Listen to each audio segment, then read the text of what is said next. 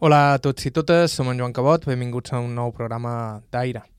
Entrevistar centenaris no sempre és fàcil. Jo no he arribat ni a la meitat de la seva edat i hi ha dies que ja em costa recordar fins i tot que he berenat. Així que el que de veres és sorprenent és trobar-te algun escut l'any 1920, fa un segle, i que aquesta persona sigui capaç de recordar detalls increïbles de la seva infància. S'ha de dir que algunes d'aquestes entrevistes són més breus i disperses de l'habitual. En aquestes edats, a més, tot depèn molt de l'atzar. Els familiars dels testimonis sovint ens expliquen que tenen dies d'una lucidesa sorprenent, en què parlen amb fluidesa de fets de la seva vida que fins i tot els seus fills no havien escoltat mai. I després tenen altres dies que els costa tot un poc més. Personalment ja estic un poc avasat i m'ho prenc en filosofia, cada entrevista és un món i mai saps com anirà la cosa fins que no ensates el meló. Qui ho passa de pitjor sovint són els familiars, que no entenen com son pare o sa mare, que just el dia abans els va contar tal anècdota, ara és incapaç d'evocar de nou aquell record. Després de l'estiu vaig tenir l'oportunitat d'entrevistar tres dones que acabaven de celebrar o estaven a punt de celebrar els 100 anys. Totes tres, ben diferents, uns testimonis increïbles que hem condensat un poquet perquè l'escolta sigui més fluida. El viatge d'avui el començam a 1920. Estau escoltant Aire a IB3 Ràdio, us parla Joan Cabot. Començam.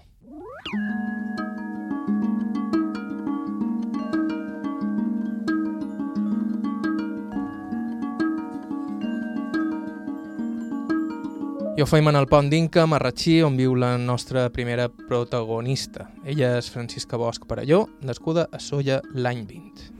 Vaig néixer a la fàbrica de gas i electricitat de Solla perquè mon pare havia estat recorrit per unes calderes que havien instal·lat a la fàbrica de gas i electricitat i com que a ca nostra era l'altre cap de poble.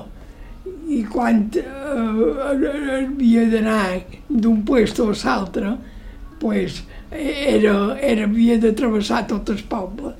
I ens varen fer una vivienda dins la fàbrica dins la, dels jardins de la fàbrica i allà vaig néixer jo. Era de Palma, el meu pare era de Palma.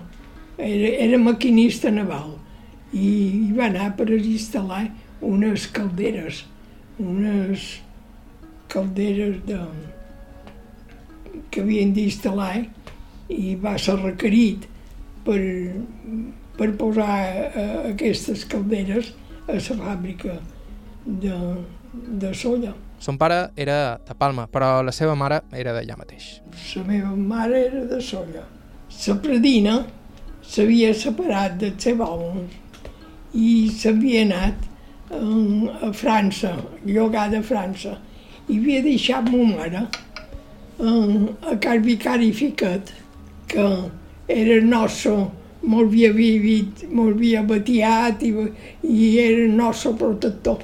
Jo estic tot en el col·legi, quan tenia un, un assumpte o l'altre per resoldre, me n'anava en el vicari i, i li deia m'han demanat això i jo i vaig guanyar molt de premis en les contestes aquestes perquè, clar, ell, ell me, me contestava com, com era i jo hi tenia una gran confiança en ell. El fill il·lustre de Solla, el vicari Ficat a Cal Vicari Fica. En aquell temps no hi havia aigua corrent a les cases ni res, i, i, i ma mare anava a, la font de la plaça mateix, perquè el vicari Fica vivia a la plaça i anava a, a, Cal Vic, a, la plaça a cercar l'aigua a la font de la plaça. I, i allà, passant, el meu pare quan anava a, a dinar a, a la posada que tenia de veïnat de l'estació, pues, se topava sempre, veia ma mare i deia jo amb aquesta, amb aquesta jo m'he de casar. I efectivament eren molt, molt pacífics i molt bons al·lots, molt, molt bons. molt bons pares i no hi va haver mai disgut de família. Només eren tres, tres germans, tres germans. Jo era la petita.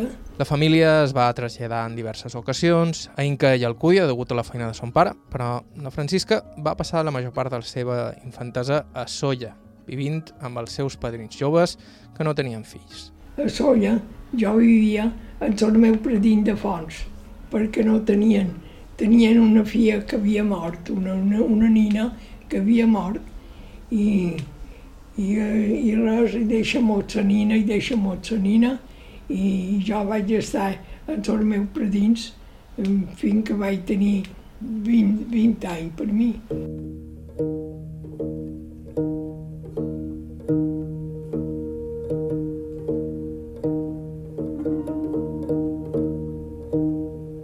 Me feren fer la primera comunió ja a Solla, perquè eh, a Inca s'usava que se posaven a combregar qualsevol dia.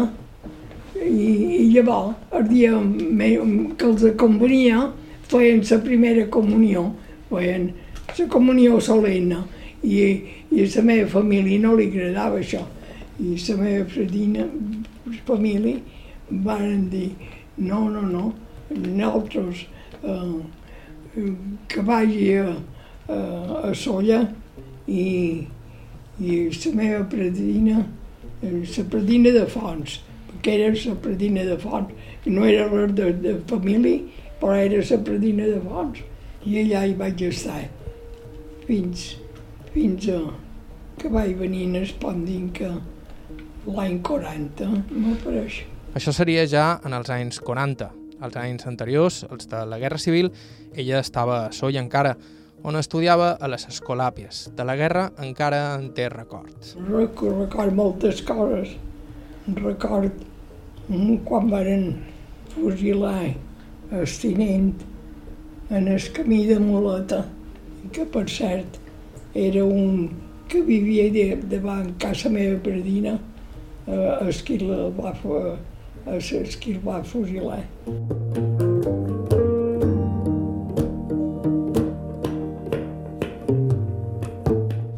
vaig anar a les escolàpies fins que vaig tenir 18 anys. Vaig anar, a les monges escolàpies de Solla.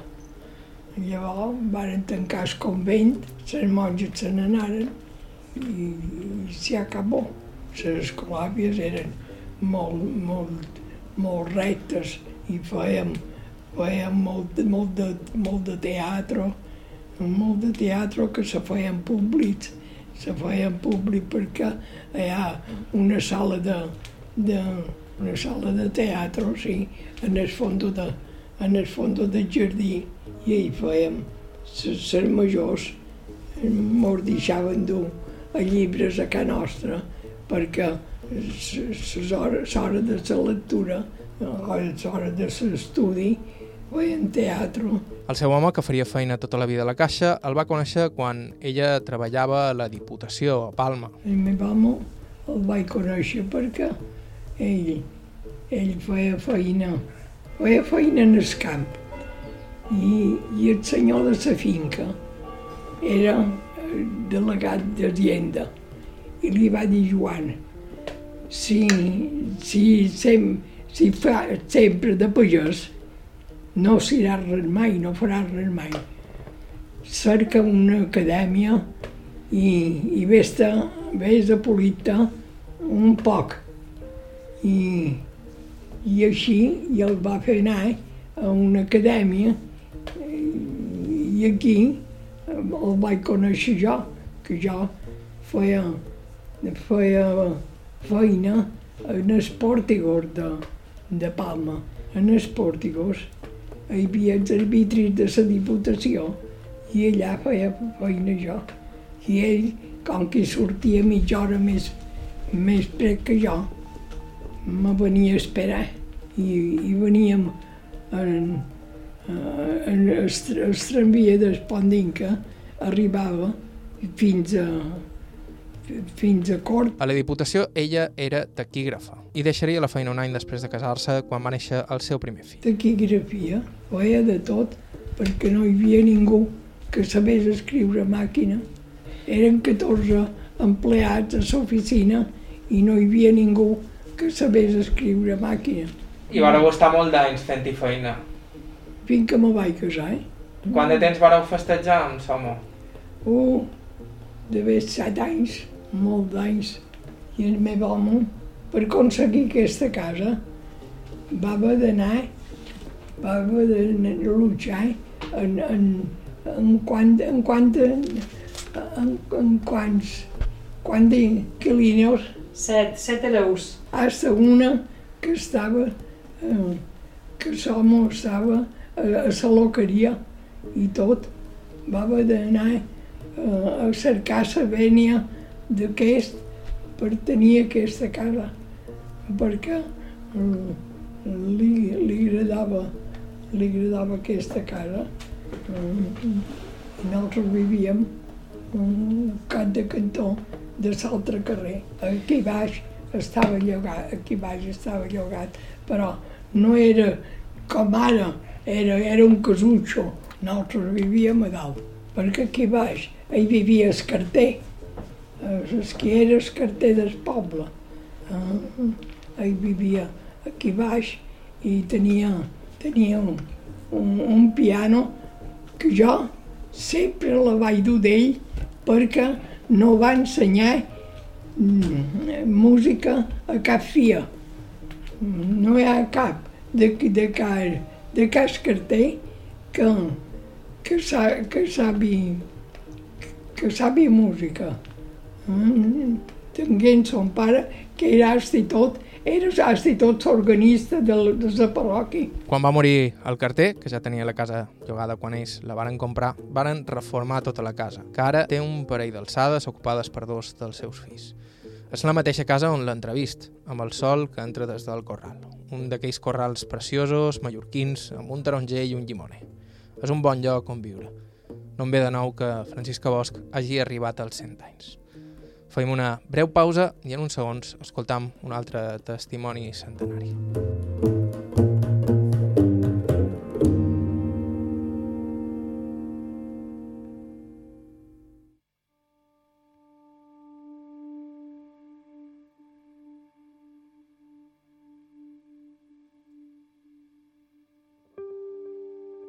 Hola de nou, som en Joan Cabot, això és Aire. Avui hem ajuntat en un mateix programa un grapat de testimonis que tenen una cosa en comú. Totes les dones que escoltarem avui varen néixer el mateix any, el 1920, i per tant l'any passat feien 100 anys.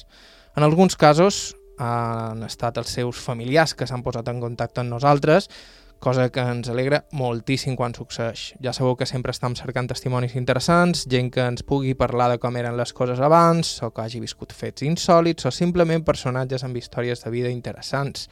Si teniu qualsevol idea o suggeriment, ens podeu escriure a aire.ivetresradio.com aire.ivetresradio.com o deixar-nos un missatge al 971 13 99 31 971 13 99 31 La segona protagonista del programa d'avui és de Campanat, de Son Pocos, on ha viscut tota la vida i on és conegudíssima, en part per una tragèdia que va marcar la seva infància i la seva vida. El seu nom complet és... El meu nom era Antònia Pont Rinés, I quan vareu néixer? dia 4 de setembre. De quin any? L'any 20 vaig néixer. I vareu néixer aquí a Campanat? Sí, al carrer de la Tolera, número 38, a Campanet. En què se dedicaven els vostres pares? Mon pare estava a l'Ajuntament, empleat de l'Ajuntament.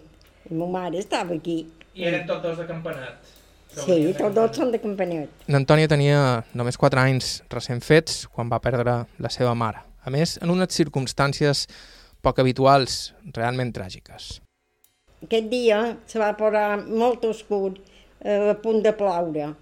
I ma mare, perquè mon pare estava a l'Ajuntament allà, va dir, ara m'on anirem a la caseta. I tenia un parell d'animalets per donar-los menjar. Diu, i ell, si plou, no haurà d'anar. I m'on anàrem a la caseta. Quan va ser allà, se va posar un tron i mullants i, i llavors mm, aigua, molta. I ma mare va tenir un garrover a davant de la caseta. I ma mare va fermar la sombreta a la soca del garrover. I llavors va posar a ploure molt i me va dir jo, no te moguis de dins la caseta. I me va deixar menjant una magrana. No te moguis d'aquí, vinc que jo torni, ni te passa la sombreta, no se banyarà. Bé, i vaig quedar dins la caseta. I se va fer aquell, aquell llamp. Ja ella ja no la va tapar la somera. Ja, ja va quedar morta. I llavors la sombreta també morta.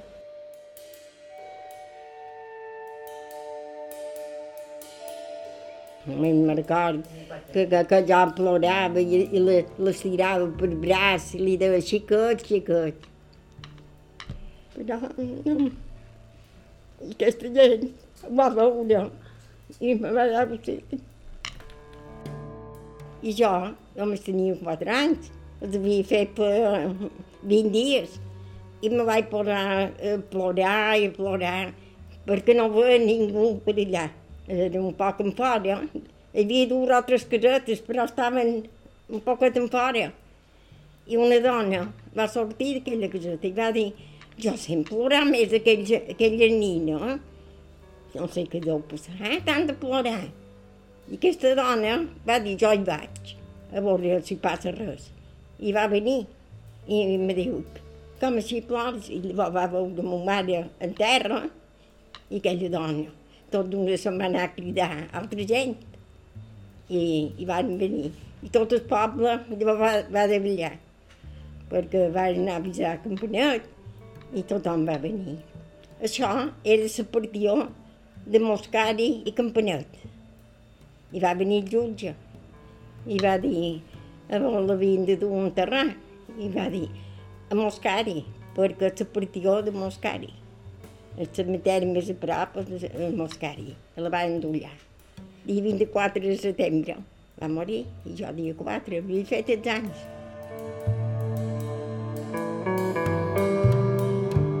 Després de la mort de sa mare, l'Antònia va anar a viure amb la seva padrina, que va ser qui la va surar. Son pare, en part per fugir del seu segon matrimoni, va partir a Argentina a fer fortuna. Mon pare me va dur a casa Pretina, a casa mare de mon mare. Me va allà.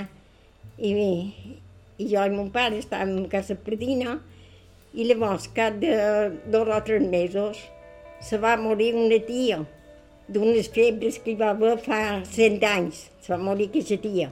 I va deixar dues nines. Una que tenia, no havia fet els tres anys i l'altra set mesos. I llavors la predina va haver de recollir mon pare, el tio, que és, que era un fill seu, i tots vam anar a casa predina. El gran hi havia fet quatre anys, aquest mes, perquè mon mare també va morir aquest mes.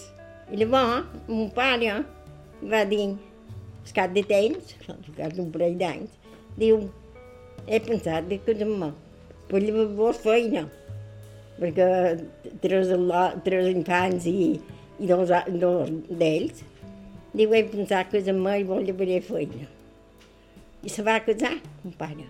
Però no se van entendre, al cap d'un parell de, de, de temps, se van separar ja me'n vaig tornar a casa Predina i mon pare se m'anà a Buenos Aires. Quina edat teníeu quan el vostre pare es va tornar a casar? I, i jo no ho sé, quan en tenia sis o set, jo no ho sé, era petita, no me'n record jo ara. I mon pare llavors se m'anà a Buenos Aires. I per no veure la que s'havia casat, va anar i me va deixar a casa Predina. Va, va venir un parell de vegades. Dues vegades va venir, almenys. Antes de jo combregar, va venir i me va fer el regalo. I me va dir, ho sents, ara me n'he d'anar perquè no puc estar aquí. I se'n va anar. I me, me va regalar un rellotge i unes orquilletes d'or i un parell de coses. Va anar allà. I al cap de temps me va enviar dos bes. Llavors volia que jo me n'anés allà. Buenos Aires. Però van pensar, perquè els meus sogres me'ls van dar la terra i això, i ja m'hi tornat un poc bé, més vells, o més majors, i va dir, me bon, què hem de fer, que hem d'anar o no? I jo vaig dir, voldria més que el vengués. Me'l volia tots. I ara un altre món d'allà, allà, i llavors, havies d'anar en barco, i havies d'estar un mes. Un mes per anar i un mes per tornar, quasi que no podíem estar allà. I ja no me'n vam anar. I jo li vaig dir que ell vengués, perquè mon pare me volia enviar dos bes per, per el món no. Jo li vaig dir, no, trobo que vos convé més venir. Però llavors posat malalt i ja no va venir, se va morir ja. Llavors aquell altre tio, també, al cap de set anys, també se va tornar a casar. I vaig quedar jo a casa Predino, dins que me vaig casar. Vaig estar amb ella, però ja havia tornat de molt major i fixava que me casàs, perquè me volia veure casada. I me vaig casar, però la guerra, era el temps de la guerra, i quan se va casar, se, se va acabar la guerra, llavors se'n van casar molts. Jo també me vaig casar. Ja festejàveu quan va començar la guerra? Ja començava a festejar, sí. I va durar de, de, de set anys, que va, va ser llarg, això. Cada vegada que se n'anava, a una hora que allà on fos, era que s'havien rendit. A la guerra no hi va anar, va anar cada vegada. Llavors la pobla de casada encara va d'anar una bona temporada a la pobla. La meva predina, una dona molt bona dona, però en aquell temps podia, tenia i podia. Encara sempre feia dimonis a, a, a, a altra gent. Jo sempre li deia, predina, i vol sempre donar coses. Diu, val més donar que si m'han de donar. És molt bona dona. Sempre hem estat en aquest carrer. La predina estava més amunt quan volten el carrer allà. I aquí també hi havia més poques cases, i ara ja, ja tornat gran, també per aquí. Sí, ja, ja està tot junt. Abans estava separat? Sí, estava més separat. No, hi havia un bon bocí que no hi havia cases. Ja tot ja, ja tot està igual. I els cotxes també no n'hi havia, llavors en aquell temps. Només hi havia carros. I, i els primers que vaig veure era Cat Bord el correu. I llavors, un que li deien Antoni Bord, també em va armar un de cotxe. Un, hi havia un cotxe que encara rodaven. Però aquest se va perdre, al voltant ja no, no, no, no vaig veure. Llavors ja n'han posat d'altres. I llavors, un que li, deien de Can Maco, eh? Groniell, bestiar. I llavors un de Cantoni Marciando, també va armar un. I vam anar el van llogar per anar a Boca, a Pollença, que una tia se va morir, una tia de la meva sogra, una germana de la meva sogra, i vam anar a Boca, allà a la base. En aquell temps, la gent anava a coll meldes i coll garroves, oli i lluc, perquè les daven una mesura d'oli. I jo no vaig anar mai, no, perquè la predina també havia donat les terres en els fills i ja no hi vaig anar. Vaig anar molt de temps a escola. I jo ja no hi volia anar, perquè de, jo tan gran, i, i no n'hi ha de grans, perquè tothom se'n va fer feina i jo no hi vull anar. I, i la predina va dir, i doncs, què has de fer? Dic, aniré a brodar un poc a casa monges. I, i anava, vaig anar una temporada a brodar, n'hi havia un parell del lot, era jo, i anava, anava a brodar. I llavors, quan vaig brodar, vaig anar a cosir. I vaig aprendre de cosir, i cosia. Llavors aquí vaig cosir. D'home, camies i, i pantalons i americanes, això cosíem. Perquè se, llavors no venien res cosit. Tot havia de comprar la roba i donar per... Llavors hi havia molta gent que cosia, moltes dones que cosien. Ara no hi ha ningú ja. Però llavors i aquí on jo anava, vaig anar primer, també érem unes quantes que, que cosíem. Vaig cosir un, un home que era ben gran i ben gros, i vaig cosir un, també. I no fèieu roba de dona? Qualque mica, em feia. Encara em cosia. Sempre vaig cosir la nostra, també, però cosíem més d'home. Però llavors també me n'anàrem en el camp, perquè els sogres m'havien deixat les terres i havien de tenir gent llogada, i me'n vaig anar perquè havia de fer menjar i tot això. I em vaig anar al camp i vaig deixar les coses. El meu home em diu, pot deixar i, i almenys m'ajudaràs un poc jo.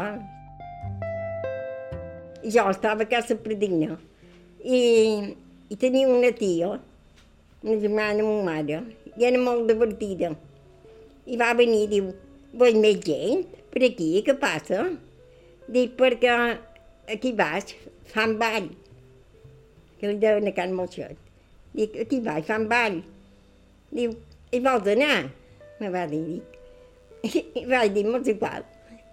I me va acompanyar la tia allà. Jo tenia 15 o 16 anys, devia tenir. I el meu home era de Caselles, a Caselles. I aquesta tia estava sort d'angelós. I el meu home, quan se n'anava, passava per sort d'angelós, per anar a Caselles. I sempre xerrava amb aquesta tia. I com me va veure en el ball, va veure la tia, i el meu home va anar a xerrar amb ella. Diu, no veig, ho vengut en el ball. Diu, sí, diu, he acompanyat aquesta nebodeta meva. I li va fer la broma, diu, podries a, a ser nebot meu. I res. I un dia, ja feia la carrera, que la predina, que no estava asfaltant, llavors. I ell se n'anava a Caselles, perquè tenien una casa campanota, se n'anava a Caselles. I se va aturar, va baixar la bicicleta i se va aturar. I ja me va xerrar un poc. I res, llavors, un altre dia, al cap de temps, ja me va tornar a veure, ja se va xerrar jo. I, i sempre que me sopàvem, i llavors me van fer nòvios. I me vaig casar, mira, me no vaig conèixer. Ni sabia qui era ell. No havia vist mai. Quina edat teníeu quan el vareu conèixer? Jo, 15 o 16 anys tenia. Però llavors se'n va anar eh, eh, per la guerra, això, per la bici, però m'escrivia, els escrivia. I quan venia, venia a veure'm, però llavors en tornaven.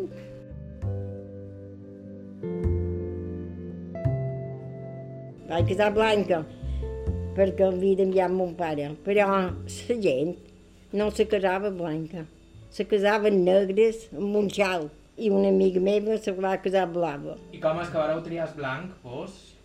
Perquè van dir, com, començava, van dir, ara començaran eh, qualcú a anar de blanc. I jo vaig dir, no, mos quedem de blanc. I una amiga meva també llavors s'hi va casar. Una, però no en tenien altra que seva, també s'hi va casar. Llavors no podien coure res a cap font, perquè s'havia acabat la guerra i mordaven pa de blat de les Índries, la gent. Jo no em vaig menjar mai, perquè tenien un molí, és més sogra, tenien un molí, i com que conraven, i d'amagat feien farina. Però llavors els varen presentar i ja em van poder fer pus. Però no em vaig menjar mai d'això de blat de les Índies. I com me vaig casar, vaig, vaig llogar una dona, perquè no, no hi havia res per menjar. I vaig dir a aquesta dona, jo tenc farina, me fareu, me va fer estrelles, va, eh, això, galletes, i llavors almendra garrapinyada. Llavors vaig anar al forn i li vaig dir a una del forn, dic, mem, ara no me podíeu coure coses, perquè no me... Jo tenc farina i me podíeu coure coses. Me va dir, no t'ho podem coure, perquè no coven res, res a ningú. Tot el més que te puc fer és venir, llogar un parell de dones i jo venir a ajudar-te. Jo ja duré les llaunes, de, el mollo, de tot, i vos ajudaré. I vaig llogar un parell de dones. I a una tia meva, que estava prop de son, ho van coure a casa tia, tot, i me van fer. I tothom va quedar més content d'aquesta boda, perquè havia fet de tot i els altres no, no, no tenien, no podien fer. I, i van estar molt contents.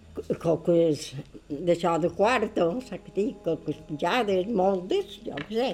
I tothom va menjar i beure i van quedar ben content tothom.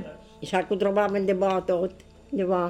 Eren els anys després de la guerra, els anys de la fam, i n'Antònia té una anècdota per il·lustrar fins a quin punt els temps eren precaris. El pa que els va acompanyar tot el viatge de bodes. La predina me va fer, però la sogra, me va fer un, un pa gros, ben gros, perquè tenia farina.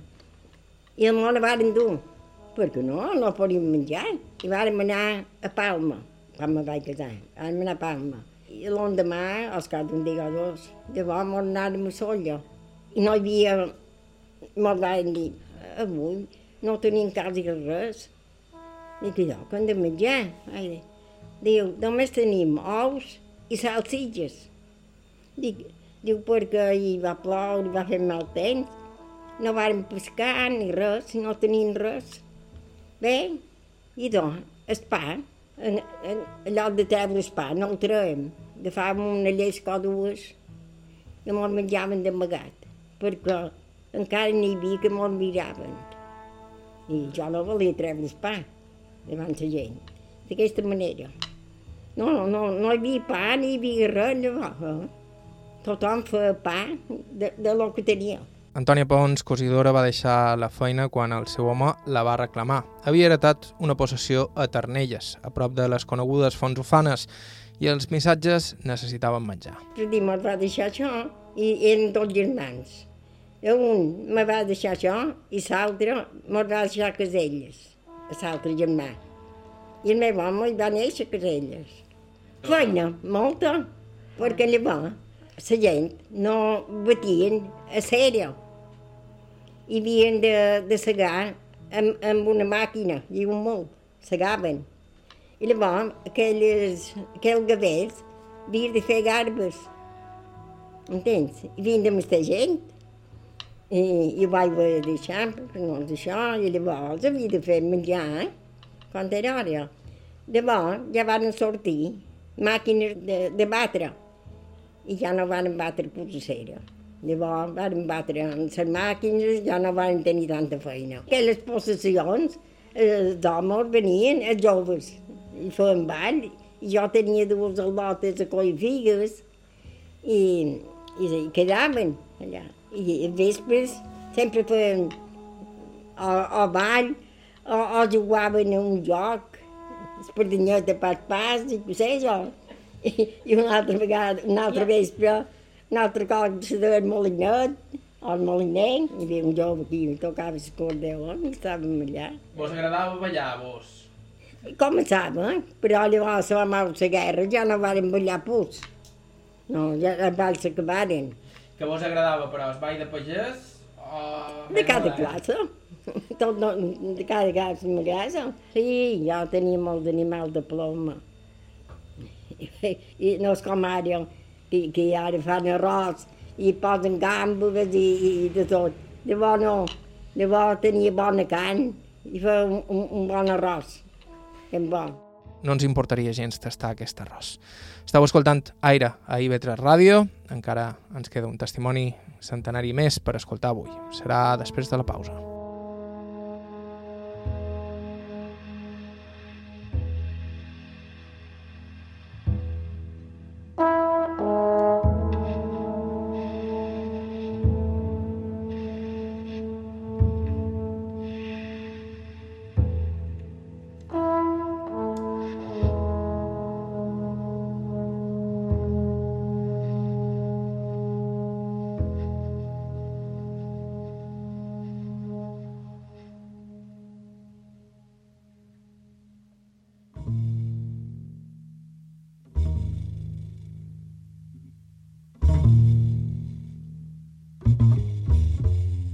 Benvinguts de nou, això és Aire, som en Joan Cabot. Avui hem escoltat ja dues dones, totes dues nascudes l'any 1920, i encara ens queda un testimoni més per escoltar. Abans vos record que si vos heu perdut l'inici del programa o si voleu tornar-ho a escoltar o escoltar qualsevol dels nostres programes anteriors, ho podeu fer a ib3.org barra carta o bé via podcast a qualsevol dels agregadors disponibles. La darrera veu que escoltarem avui és la d'Antònia Femenies, també nascuda fa 100 anys, nascuda a Artà, tot i que des de principis dels anys 40, quan es va casar, viu a Bunyola. La seva vida també va estar marcada per la pèrdua de jove de son pare i també es pot dir que la va criar la seva padrina, perquè la seva mare es va fer càrrec del negoci familiar, fer vida a missa. El meu pare era ferrer, feia fer de ferrer. El que llavors se va posar se dedicava a fer vi. Hi havia una dins la casa que diguéssim, una cotxeria, era una ferreria, però va morir molt jove, a 40, a 42 anys va morir. I llavors ma mare va prendre les rientes i ho va treure, va anar a Barcelona, i que ja anava amb mon pare, li va dar un pal de mà i va treure el carro. De què va morir? D'una... deixant el l'estómac, d'una... no curava, va una hemorràgia a l'estómac, va morir. I ma mare encara tenia sogra, una, un tio vell, i dues ties també vells, fadrines, tenia tot això. Ja vaig estar a la fadrina. Son pare d'en Antoni no era un simple ferrer. El seu nom era Andreu Femenies i va ser batlle d'Artà en dues ocasions. De fet, era el batlle d'Artà el 1921, quan el tren de Manacor va arribar a la vila. Quan era de, de, del, del món de Trull, quan va venir el tren a ah, era com mon pare el governava llavors en aquell temps. Van fer venir el tren estar. I si son pare era un home de caràcter, la seva mare no devia quedar endarrere. Quan el seu marit va morir, es va fer càrrec de les vinyes i el negoci. Ma mare, no hi Antònia, també, era de fora vila. Ah, però la que vivia ja per allà, ella va, ah, eren bocines de terra, que la gent hi vivia. Ma mare va ser una dona de ferro i era sorda com una massa. No hi sentia? De bé, però no, no, no, no. I va tenir una mitja també, que no anava a missa ni creient res, no. Però un home que apuntava tot el que pesava, no apuntava. Ma mare apuntava, però ell no. Quan passaven comptes, no xerrava ni de, ni de res aquell home. De coses grosses. eh? Bé, el vaig relacionar. Què? Aquest home també en feia i ajuntaven per tenir un poc més, s'ajudaren. I aquest amic de mon pare també li donaren aquests amics que anaven, ja devia ser que, que devien fer com un grup, oh, devien voler fer qualque cosa. Que llavors aquests homes venien a xerrar amb ma mare i, això, que li devien dir com ho de fer, ah no. I mos posaren, s'ha va posar a fer vi, també fèiem vi per les ingleses, vi de missa, per tots aquells pobles ingleses i per tot, venien a cercar-lo vi de missa, un vi que bullien. Ma mare se'n cuidava. A la nit ballàvem un poc, un vespre, un poc altre, tota la temporada que bullíem allí.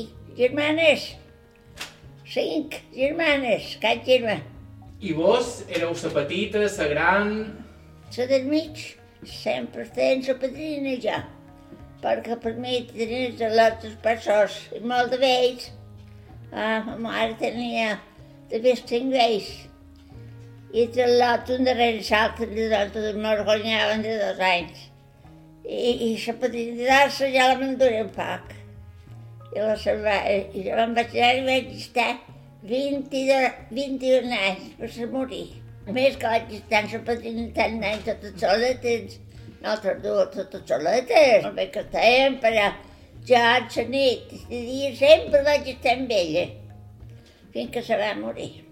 Allà, vaig estar de petitona, que me llevaren el segur perquè l'altre havia de néixer darrere, que aquelles penses... I ja vaig pujar amb la padrina, llavors la padrina se va casar amb l'altra filla i jo ja vaig quedar allà. Ja anava a quedar-se cada dia, a vegades hi dinava, baratàvem. I en el 22 me vaig casar i vaig venir aquí, a Punyala. I com era Artà llavors? Oh, res, el poble antic, molt fora vilers, una caseta fora vila, i n'hi havia que hi vivien sempre, i n'hi havia que no.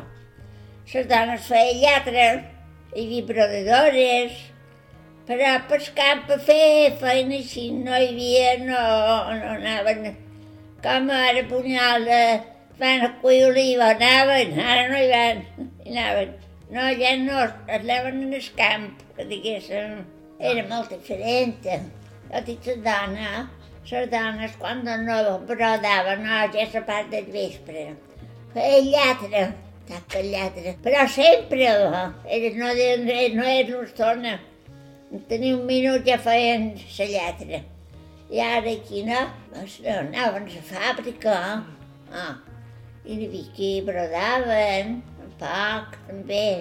A la fàbrica se menjava molta gent, perquè hi havia sabó a Can Nadal i que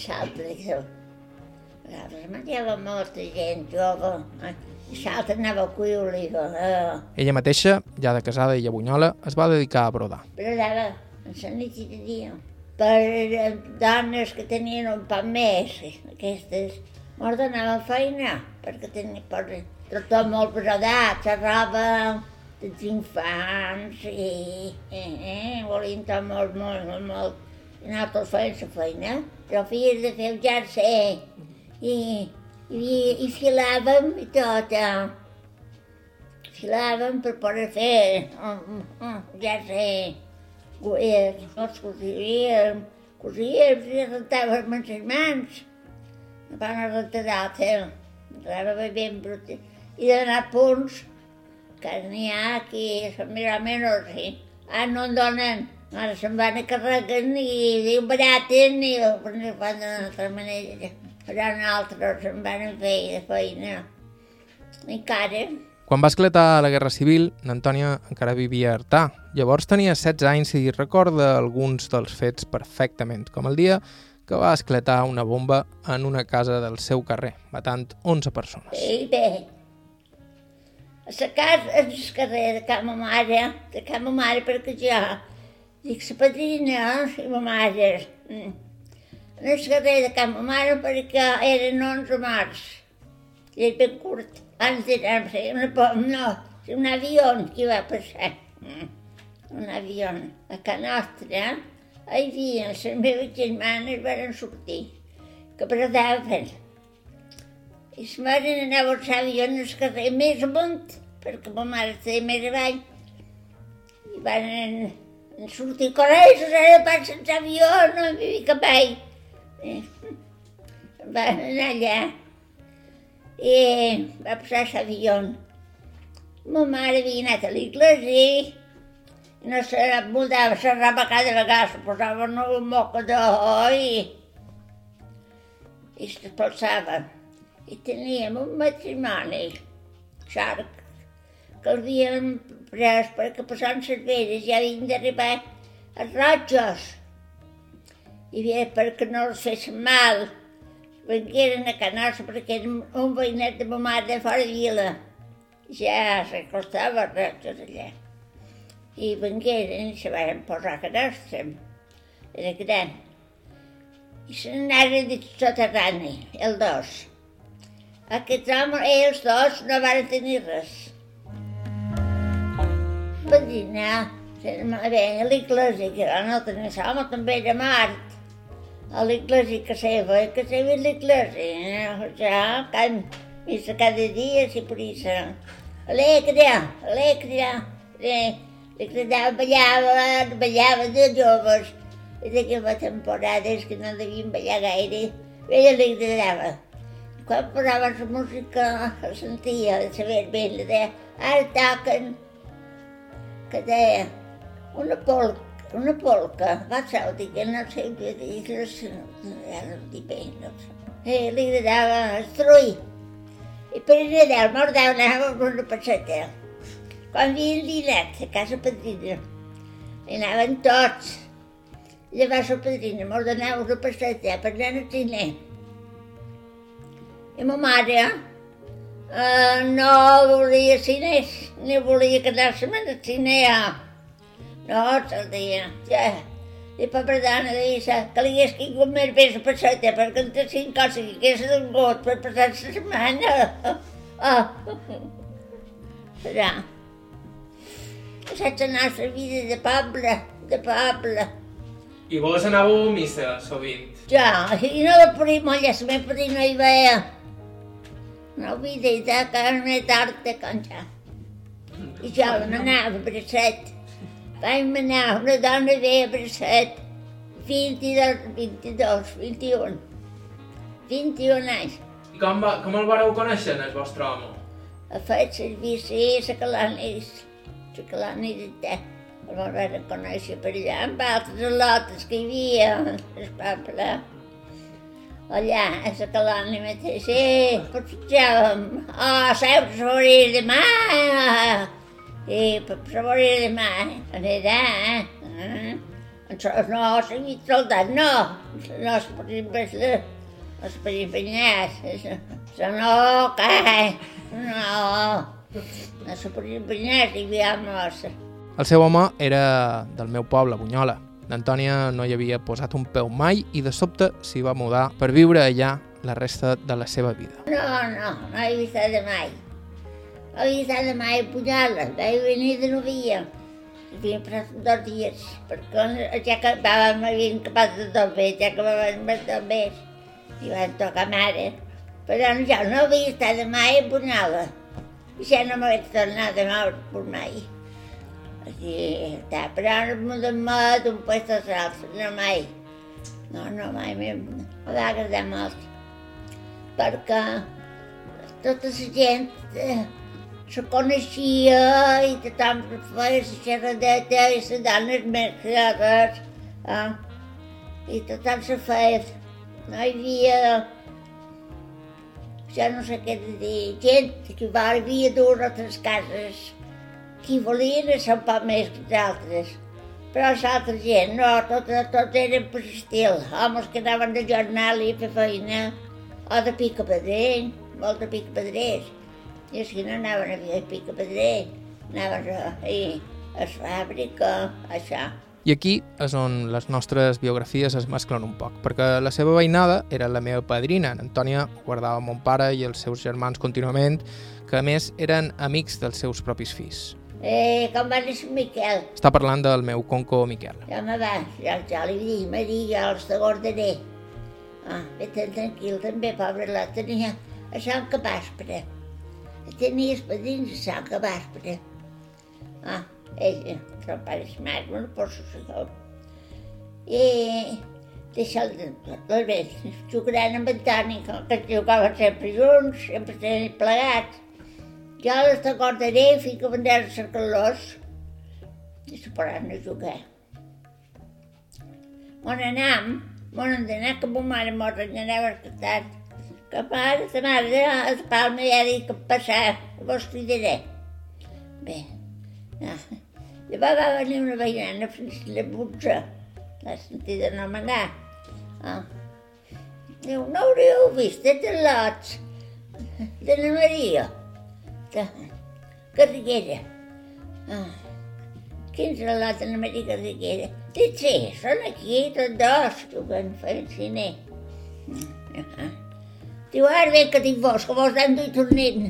I en Bernat va rompre a plorar.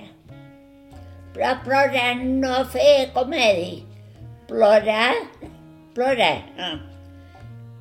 Partir-hi amb tots el trup, tothom aquí dalt, i llavors que era havia que casa petita seva, se va posar dret. Llavors la capçalera de sa mare no se va aturar de plorar. I nosaltres treballar per allà, jo no m'anava per la casa de la meva mama. Va dir en Toni, Toni meu, diu, Toni, tu ploraries tant, me no duen nosaltres. Nosaltres ens pareixia que més o menys bueno, durien uns... Ah, Antoni, era Carme Bernat, no eren els petits. No, bueno, no, quan tu decidis la nostra sort, el nostre I llavors a Frares d'on Andreu, comprem un família i no sé comprar la meva mama tot de deia, Toni, aquesta sort de l'Andreu, ho veus? Ja me'n compraré una altra casa, no? Ai, Déu meu, quin temps era aquell. Més tranquil, més tranquil. Tot era més tranquil, però no tan beat com sovint solen pensar. De fet, en Antònia me romp un poc la idea que tenia jo de la meva padrina, explicant-me una anècdota que també implica a mon pare. Altres dies, mort desfressada. Ah, ja no ho sé, ja no era molt d'hora. Però una Maria, una Maria Garriguera, li dic ja, la seva. Una Maria Garriguera se va desfressar. Se va posar un calçón d'home. Un calçón d'home. Se va pecar en remortal. Tothom a mirar, a mirar. I Toni, Toni Garriguer, Toni Garriguer. I ell més viu que una centella. La mare, la mare de Toni, Ana Maria, diu, si proves de dir res a ningú, et té una manta. Que? Et té una manta. Bé, l'anaven a llaure llevar. Bon anàrem. Quan vàrem castar, d'aquí on nosaltres estàvem seguir, Caspallent, va sortir pintures, eren cinc o sis dones, pensa tu, dones bé. Ah, ell surt. Diu, eh, eh, diu, veus aquella que toca el calçó de ma mare? Feta, volta. Que va ser una feta. És mon pare. Ton pare? Ah, estimades meves. És molt bon jove, però molt alegre, molt curiós. Així era, descansi en pau.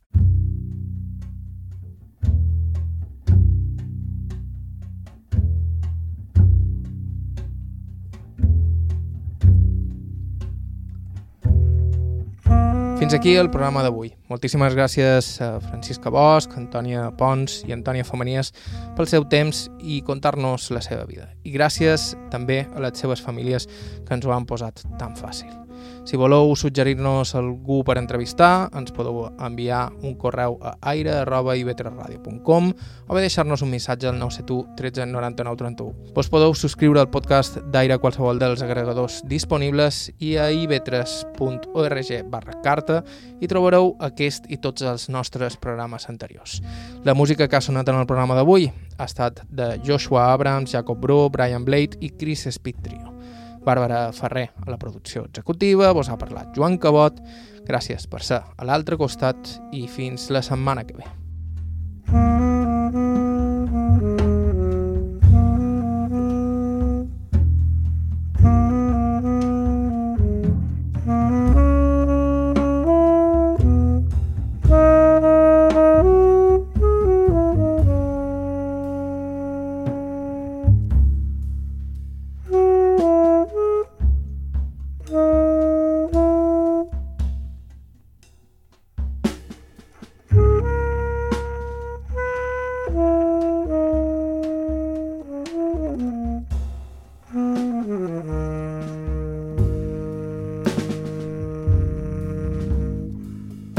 Uh-huh.